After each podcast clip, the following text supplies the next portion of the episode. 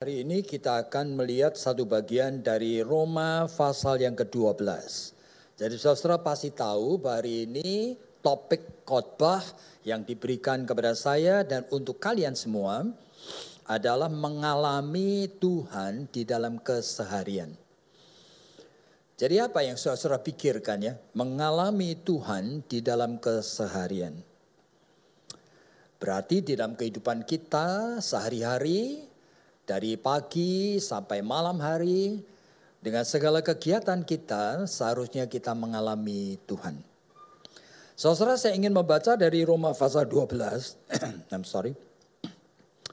Rasul Paulus mengatakan dalam Roma pasal 12 ayatnya yang pertama dan kedua, karena itu saudara-saudaraku, demi kemurahan Allah, Aku menasihatkan kepada kamu supaya kamu mempersembahkan tubuhmu sebagai persembahan yang hidup, yang kudus dan yang berkenan kepada Allah. Itu adalah ibadahmu yang sejati. Janganlah kamu menjadi serupa dengan dunia ini tetapi berubahlah oleh pembaruan budimu. Sehingga kamu dapat membedakan mana kehendak Allah, apa yang baik, yang berkenan kepada Allah, dan yang sempurna. Jadi ibadat yang sejati, berarti ada ibadat yang semu, yang mungkin palsu. Yang Paulus itu ingatkan supaya kita mengerti bahwa ibadat yang sejati itu adalah mempersembahkan seluruh tubuh kita. Pada saat saudara-saudara ada di dalam kebaktian ini, saudara memberikan fokus pikiran dan hatimu. Nah, Jikalau fokus pikiran dan hatimu itu kepada hal-hal yang lain, bukan kepada Tuhan, berarti saudara sedang tidak mempersembahkan bagian dari tubuhmu, yaitu otakmu untuk berpikir secara khusus untuk Tuhan. Dan mata kita, perasaan kita, mulut kita, telinga kita, bahkan tadi kita menyanyi-nyanyi, kita itu kalau tidak waspada, kita menyanyi hanya sebagai sesuatu kebiasaan dan kita mungkin menyukai lagu-lagunya. Tetapi bukan kita itu memberikan nyanyian itu kepada Tuhan. Berarti pada saat kita memberikan nyanyian itu kepada Tuhan, dari mulut kita, kita memberikan nyanyian itu kepada Tuhan, saudara saudara akan mengalami bahwa yang terjadi Tuhan anugerahkan nyanyian baru. Meskipun nyanyian yang tadi kita nyanyikan itu kita mungkin sudah hafal, apalagi yang memimpin puji-pujian di sini, tetapi tidak berarti bahwa dia memuji Tuhan. Dia hanya bisa memuji Tuhan pada saat mempersembahkan mulut bibirnya untuk menjadi persembahan yang hidup kepada Tuhan. Nah berarti kalau kita mau pikirkan mengenai mengalami Tuhan di dalam keseharian hidup ini, kita perlu waspada dengan sungguh. Yang pertama, mengapa demikian? Saudara, kalau kita bertanya mengapa demikian, ya oleh karena kita tahu di dalam 1 Korintus pasal 3, 1 Korintus pasal yang ke-6 misalnya, disebutkan bahwa kita sudah dibeli dengan harga tunai, Nah sehingga seluruh tubuh darah daging kita ini adalah milik Tuhan. Sehingga Tuhan sendiri berdiam di dalam tubuh kita. Disebutkan roh kudus itu berdiam dalam tubuh kita. Jadi saudara kalau kita itu kenapa kita harus meresponi akan dia yang hadir itu. Oleh karena memang tujuan daripada hidup ini adalah supaya menjadi suatu kesaksian yang sama seperti yang Tuhan Yesus katakan di dalam Yohanes pasal ke-17 misalnya di dalam doanya. Meskipun tahu sekali bahwa kita ditempatkan di tengah dunia yang berdosa. Yang di dalam Efesus pasal 5 disebutkan di tengah waktu yang jahat. Waktu kronos yang jahat ini. Dari menit ke menit, dari detik ke detik kita sebetulnya sangat sekali dipengaruhi oleh hal yang jahat dari dosa maupun dari campur tangan kuasa kegelapan. Nah, di tengah waktu yang jahat ini, tetap Tuhan ingin kita itu tetap tinggal di sana. Makanya disebutkan di dalam doanya itu kepada Bapaknya, Yesus mengatakan, Bapak jangan ambil mereka dari dunia ini. Meskipun mereka bukan milik dunia, bahkan dunia membenci mereka, tetapi jangan ambil mereka dari dunia oleh karena Tuhan mempunyai purpose, mempunyai tujuan maksud.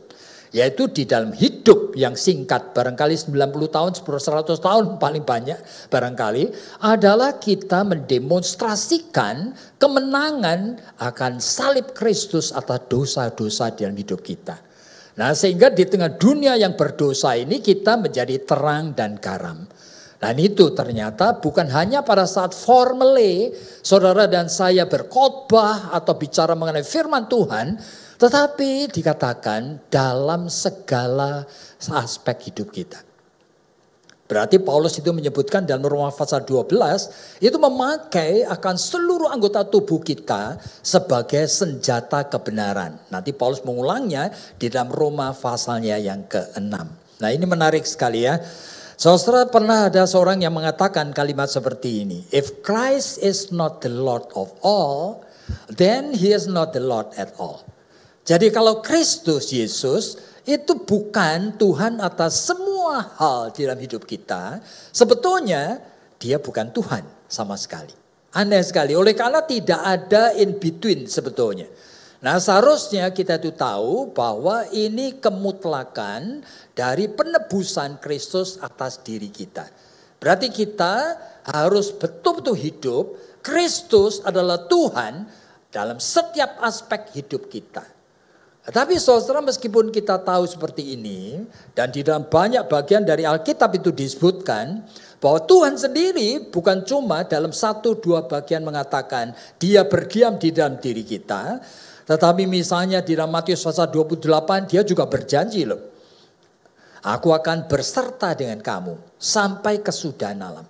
Di dalam Yohanes pasal yang ke-14 dia mengatakan jangan kamu takut oleh karena apa? Aku tidak pernah akan meninggalkan kamu sendiri, piatu, tanpa pendamping, tanpa penolong.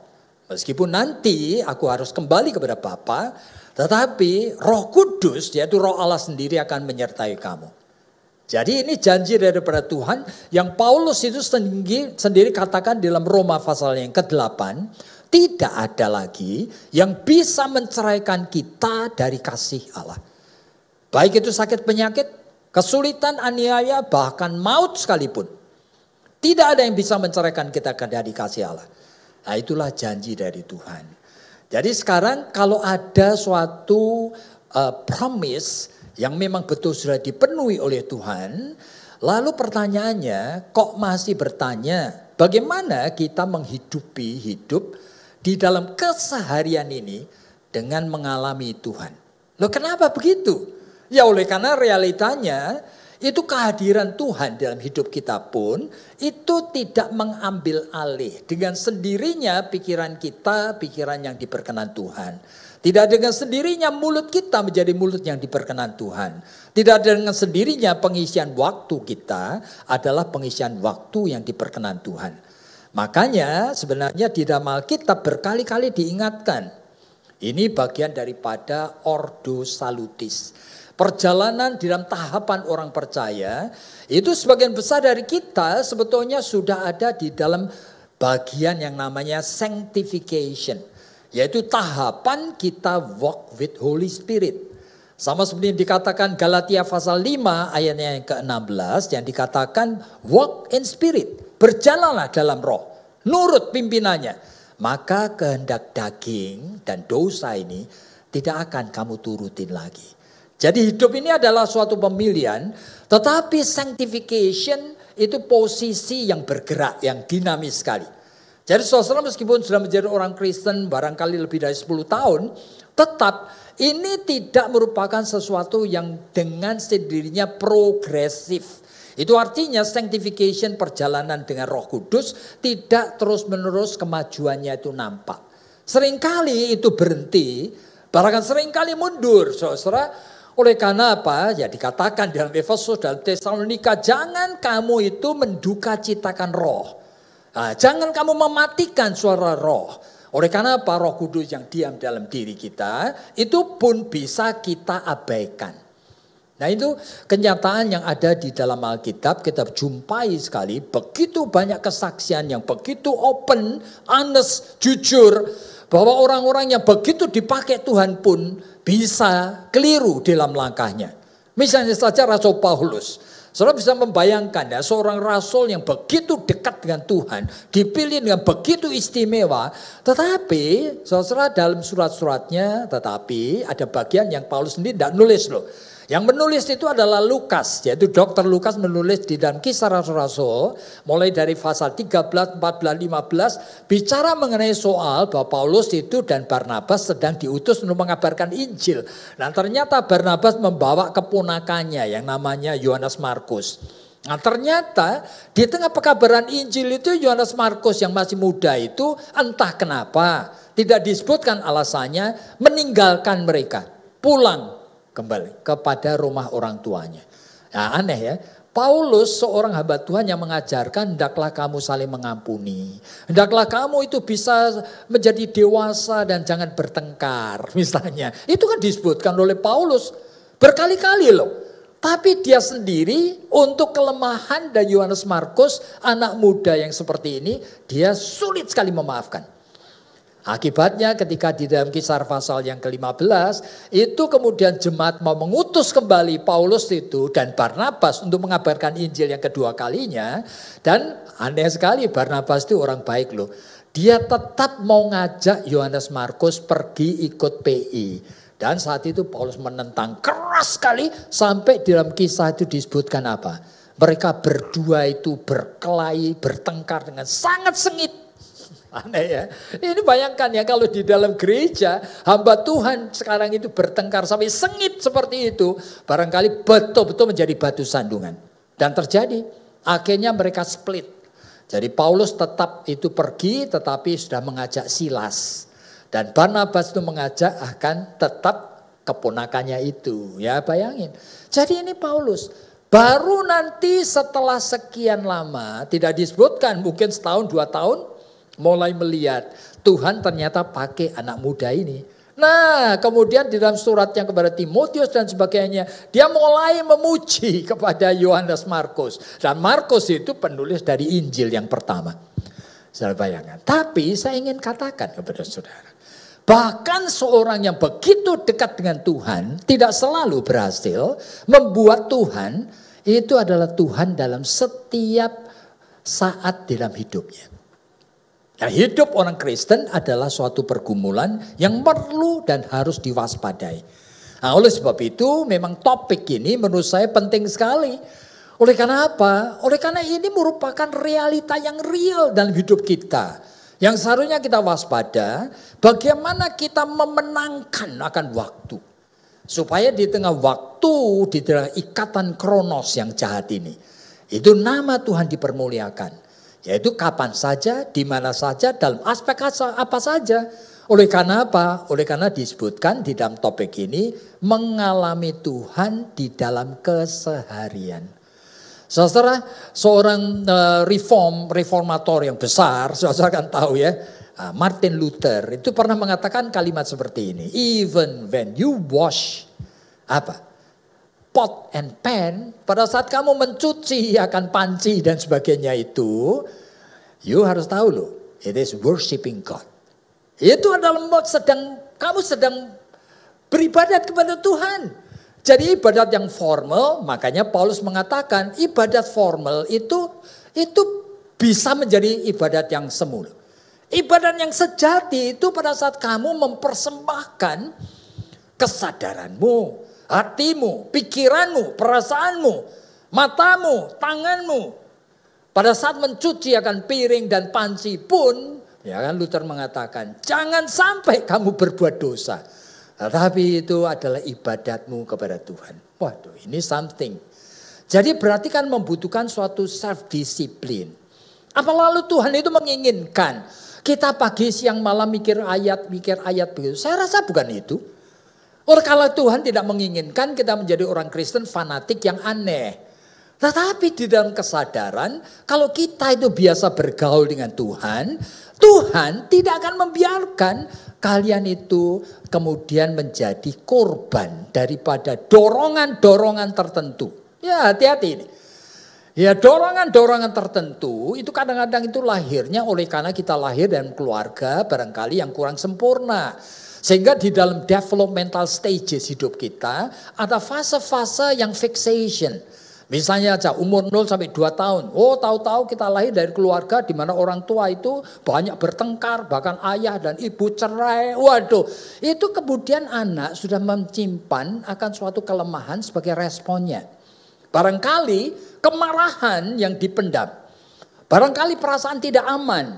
Barangkali sulit sekali bisa percaya kepada orang lain, yang nantinya sulit sekali bagi dia untuk bisa kerjasama dengan orang lain. Nah, di dalam kondisi kekosongan jiwa, nanti pada usia pra remaja, barangkali usianya 13, 14, 15 tahun, lah dia tidak tahu bagaimana itu bisa menutupi akan kegelisahan jiwanya. Ada yang kemudian terus main game, game online, terus main.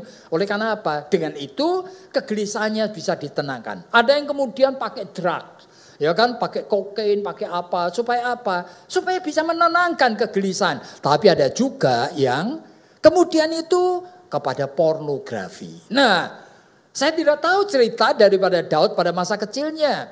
Tetapi ketika dia pada masa kosong, ternyata yang muncul itu yang menjebak dia natur dosa yang saya sebut inevitable sin yang tidak bisa dihindari lagi. Ternyata dulu dia sudah terbiasa mengisi kekosongan itu dengan seks. Nah, sehingga Daud pada masa mengisi kekosongannya melihat ada perempuan yang yang sedang mandi, pikirannya langsung, saya raja berhak untuk ngambil dia jadi barangkali objek seks. Diambillah Betseba, hubungan sekslah mereka. Nah, oleh karena tahu hamil, pikirannya lebih jahat lagi. Saudara bisa bayangkan. Jadi iman Kristen itu berbahaya sekali. Iman kepada Allah yang hidup kalau tidak dipelihara itu akan menjebak dan akan menenggelamkan kita dan kita kemudian tidak bisa lagi menjadi kesaksian yang baik. Sudah ada cacatnya. Sehingga kalau kita melihat dan membaca dalam Mazmur pasal 23, itu Daud itu seperti cry for help. Ya kan mestinya Tuhan itu gembalaku, ya kan membawa aku itu ke padang rumput yang hijau dan air yang tenang. Tapi, nah realitanya dia mengatakan aku ini berjalan di lembah bayang-bayang maut. Oleh karena keluargaku aja keluarga yang gak karu-karuan. Mana ada keluarga sampai anaknya itu mau bunuh ayahnya. Mana ada keluarga anak satu dengan anak yang lain itu memperkosa dan saling bunuh. Keluargaku yang seperti ini. Sudah hopeless. Tetapi dia mengatakan apa? Tetapi aneh sekali di lembah bayang maut pun. Aku masih mendengar engkau mengikuti aku. Nah. Jadi orang beriman itu tidak mungkin ditinggalkan. Tapi satu kali sudah berbuat dosa, ini cacatnya itu bisa seumur hidup. Saudara. Dan Daud sadar sekali. Dia persis seperti bejana itu sudah pecah. Tapi Tuhan itu masih seperti lem itu masih mencoba untuk membetulkannya lagi. Nah saudara di dalam kondisi seperti itu dia masih berani ngomong Tuhan urapi aku. Beri kepadaku kesempatan lagi. Supaya aku boleh memuliakan engkau. Jadi hidup ini sayang sekali ya. Kalau sampai kita itu careless, kemudian hidup kita itu kita isi dengan Bapak. Macam-macam pengalaman kejatuhan dalam dosa Macam-macam pengalaman di mana kita tidak tahu mengisi waktu keseharian kita itu dengan hal yang baik. Sehingga kita justru menjadi batu sandungan di sana sini. Dan inilah makanya topik ini penting sekali. Dan kita waspada ya. Jadi arti daripada kita itu waspada, kita berarti harus melatih diri. Sama seperti Paulus itu mengatakan dia tahu dalam jiwanya itu apa. Sehingga dalam Roma pasal 7 itu sampai dia mengatakan, yang baik aku ingin lakukan justru aku tidak lakukan. Yang jahat yang aku benci, aku lakukan terus menerus. Manusia celaka aku ini. Lalu siapa yang bisa menyelamatkan aku dari tubuh maut ini? Ya makanya dia mengatakan Roma 12, tubuh ini mesti dipersembahkan. Dalam segala aspeknya. Kaki, tangan, mulut, semuanya mesti dipersembahkan. Berarti diwaspadai. Makanya dalam 1 Korintus 9 dia mengatakan, aku melatih terus menerus tubuh ini. Jangan sampai aku yang sedang memberitakan Injil pun nanti aku sendiri terbuang. Jadi Paulus itu tahu dan itu saya harap saudara dan saya di rumah pun jangan menganggap enteng dan jadikan, jangan menjadikan kebaktian yang online seperti ini sambil saudara itu punya attitude yang keliru.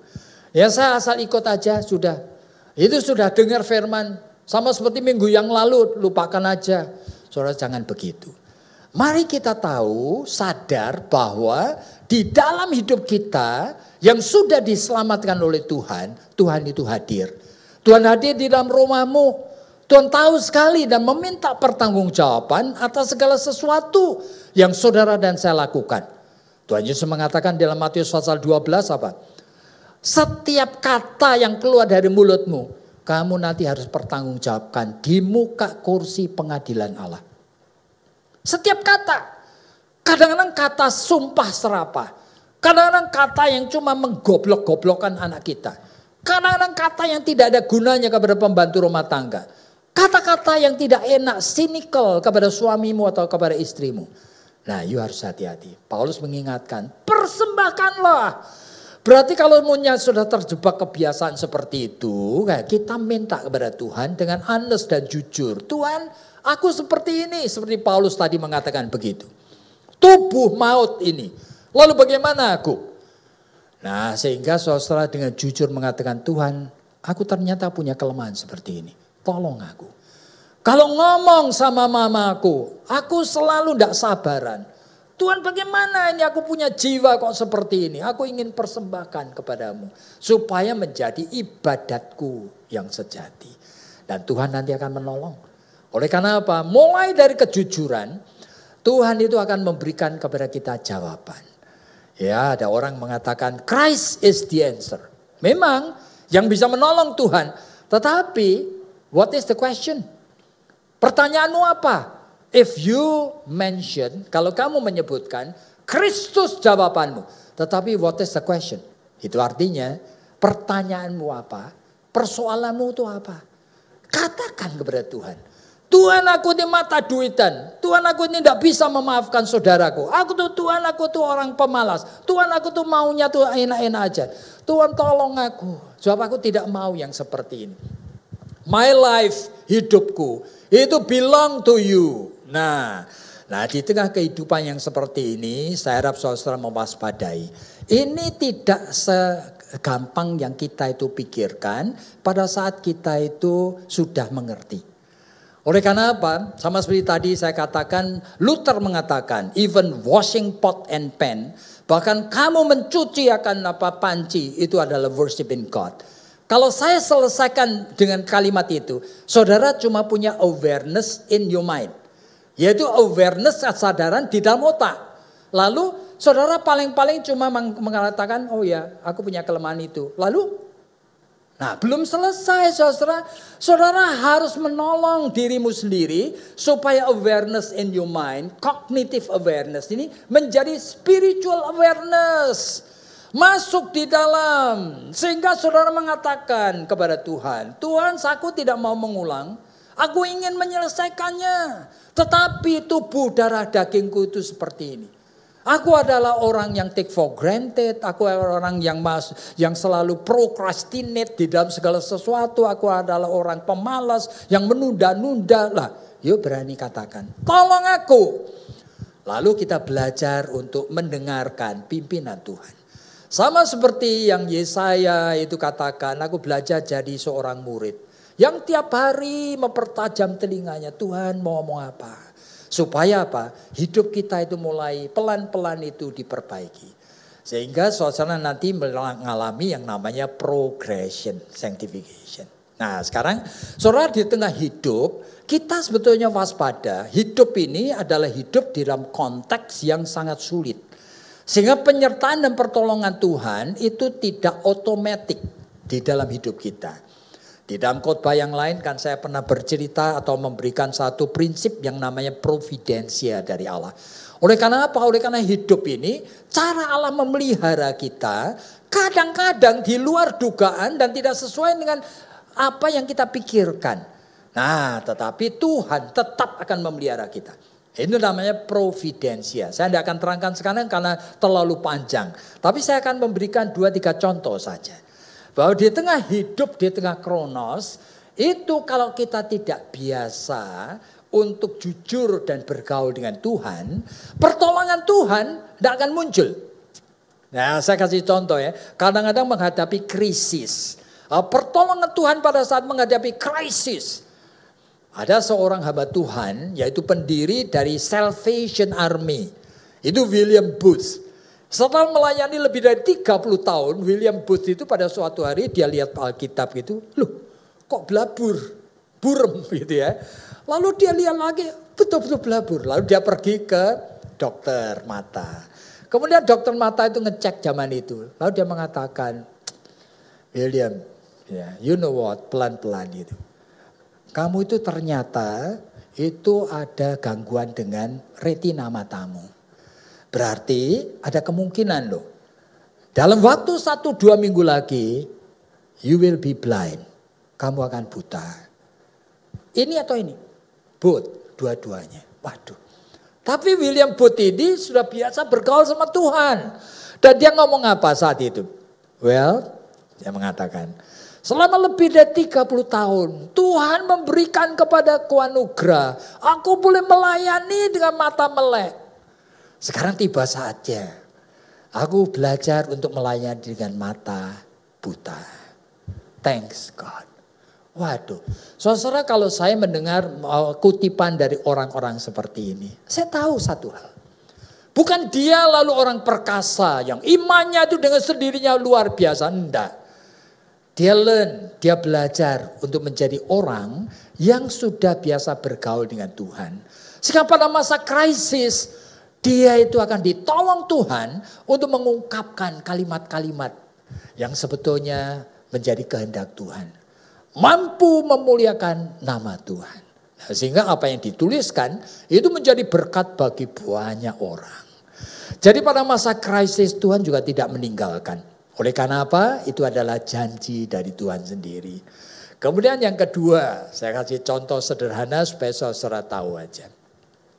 Jadi pemeliharaan dan kehadiran daripada Tuhan itu kadang-kadang menyelamatkan kita dari dosa yang unnecessary, yang tidak perlu. Nah, dosa yang tidak perlu itu apa? Banyak sekali dosa yang tidak perlu. Saya kasih satu cerita saja. Saudara beberapa puluh tahun yang lalu, itu zaman paceklik di Inggris, itu ah, banyak sekali orang tidak punya kerjaan dan orang miskin di sana itu masa depression dari Inggris. Nah, saudara ada seorang pendeta namanya George Mueller. Nah, George Mueller ini kemudian punya gerakan untuk menolong banyak anak-anak yang keleleran, yang tidak punya orang tua yang merawat dia, dikumpulin sampai menjadi ratusan anak. Lebih dari 300 anak di dalam panti asuhannya. Nah, George Muller ini dia bingung kenapa? Kadang-kadang besok mau makan apa aja itu tidak punya nasi, tidak punya apa uh, apa uh, gandum, tidak punya roti. Gimana? Akhirnya dia bingung, dalam kebingungan dia kemudian doa sama Tuhan. Dari doa biasa dia akhirnya doanya luar biasa. Yaitu ngapain? Di dalam doa dia itu kemudian menyebut nama orang-orang kaya di gerejanya itu si A, si B, si C itu. Tuhan tolong gerakan si A. Tuhan tolong kau gerakan si B. Supaya apa? Eleng ingat akan panti asuhan ini. Dan membantu anak-anak sini supaya punya makanan. Betul, beberapa minggu kemudian George Miller dari jendela itu heran melihat ada mobil Rolls Royce itu parkir di depan room, uh, apa panti asuhan. Dia melihat betul yang dia doakan itu turun dari mobil membawa apa? Satu tas. Wah dia sudah deg-degan ini. Begitu dia masuk ke dalam rumah itu, panti asuhan, dia langsung mengatakan, you know what George? Kamu tahu enggak George? Tuhan itu entah kenapa ingin aku memberikan sebagian daripada simpananku. Ini uang ini, itu kalau kamu pakai, nanti habis. Kamu masukkan aja di bank. Bunganya sudah cukup untuk kasih makan anak-anakmu ini, ya kan meskipun sederhana. Ayo terimalah George. Nah ketika dia mau kasihkan uang itu tiba-tiba dia itu jantungnya berdebar keras. Duk, duk, duk, duk. Kaget dia. Kemudian dia terima akan apa tas itu, kemudian dia mengatakan, ah, Bagaimana kalau ditunda satu minggu aja? Lo kenapa? Jadi orang ini kan heran, ngapain tidak mau terima? Dan George sendiri kan sudah berdoa, sudah berminggu-minggu. Kan ini jawaban dari Tuhan. Enggak. Dia mengatakan aku takut. Kalau aku doa selama berminggu-minggu ini, aku memaksa Tuhan. Aku ingin minta tolong. Supaya tahu persis yang Tuhan mau. Bagaimana kalau kita tunda satu minggu lagi? Saudara saya membaca tulisan George Muller yang seperti ini. Waduh, saya terharu sekali saudara. Betapa pengennya saya punya iman seperti orang ini. Yang bekah, bekah sekali. Tidak selalu hal yang baik yang dia inginkan. Seolah-olah jawaban dari doa selalu adalah apa yang Tuhan kehendaki. Kadang-kadang Tuhan menghadirkan hal-hal seperti itu. Dan kita sebagai orang beriman itu tetap harus minta pimpinan Tuhan. Jadi tanpa kita biasa bergaul dengan Tuhan di dalam keseharian. Saudara dan saya tidak mungkin bisa mendemonstrasikan iman yang seperti itu. Jadi hari ini kita belajar apa? Kita perlu sekali tahu kita adalah milik Tuhan. Dan hidup kita adalah hidup di dalam anugerahnya. Dia menyertai kita dan dia hadir dalam diri kita. Dan kita itu seharusnya bisa meresponinya. Sehingga kita boleh menjadi terang dan garam di tengah kehidupan ini. Melalui apa? Melalui jikalau kita berjalan dengan dia. Mengalami dia di dalam keseharian hidup kita masing-masing. Masing-masing kita, mari kita itu melihat dan mengevaluir diri kita sendiri. Hubungan antara kita dengan pasangan, dengan suami atau istri kita. Dengan orang tua, dengan anak-anak kita. Di rumah saja Nanti di dalam tempat kerja atau di tempat kuliah, di tempat sekolah, saudara-saudara mulai menganalisa. Bagaimana saudara mengisi waktu kosong saudara, saudara mulai mengisi, meng, meng, mengevaluir. Apakah saudara mengisinya leisure time itu dengan baik. Dan kita akan tahu yang mana yang perlu kita benahi. Supaya di dalam setiap aspek hidup kita, Tuhan itu boleh dipermuliakan. Mari kita tunduk kepala dan kita berdoa. Tuhan kami bersyukur. Oleh karena hidup kami adalah milikmu. Dan kami tidak berjalan sendiri. Dan kita tidak mau hanya menjadi orang Kristen yang beragama. Tetapi kami ingin menjadi orang Kristen yang berjalan dan bergaul dengan Tuhan. Sehingga kehadiran Tuhan yang nyata-nyata disediakan bagi kami kami akan responi menjadi suatu pengalaman bersama dengan Tuhan di dalam keseharian hidup kami. Berkati jemaat ini, berkati kami semua yang masih mempunyai kehausan dan kelaparan untuk memperkenan hati Tuhan. Dengar doa kami Tuhan, dalam nama Tuhan Yesus kami sudah berdoa. Amin.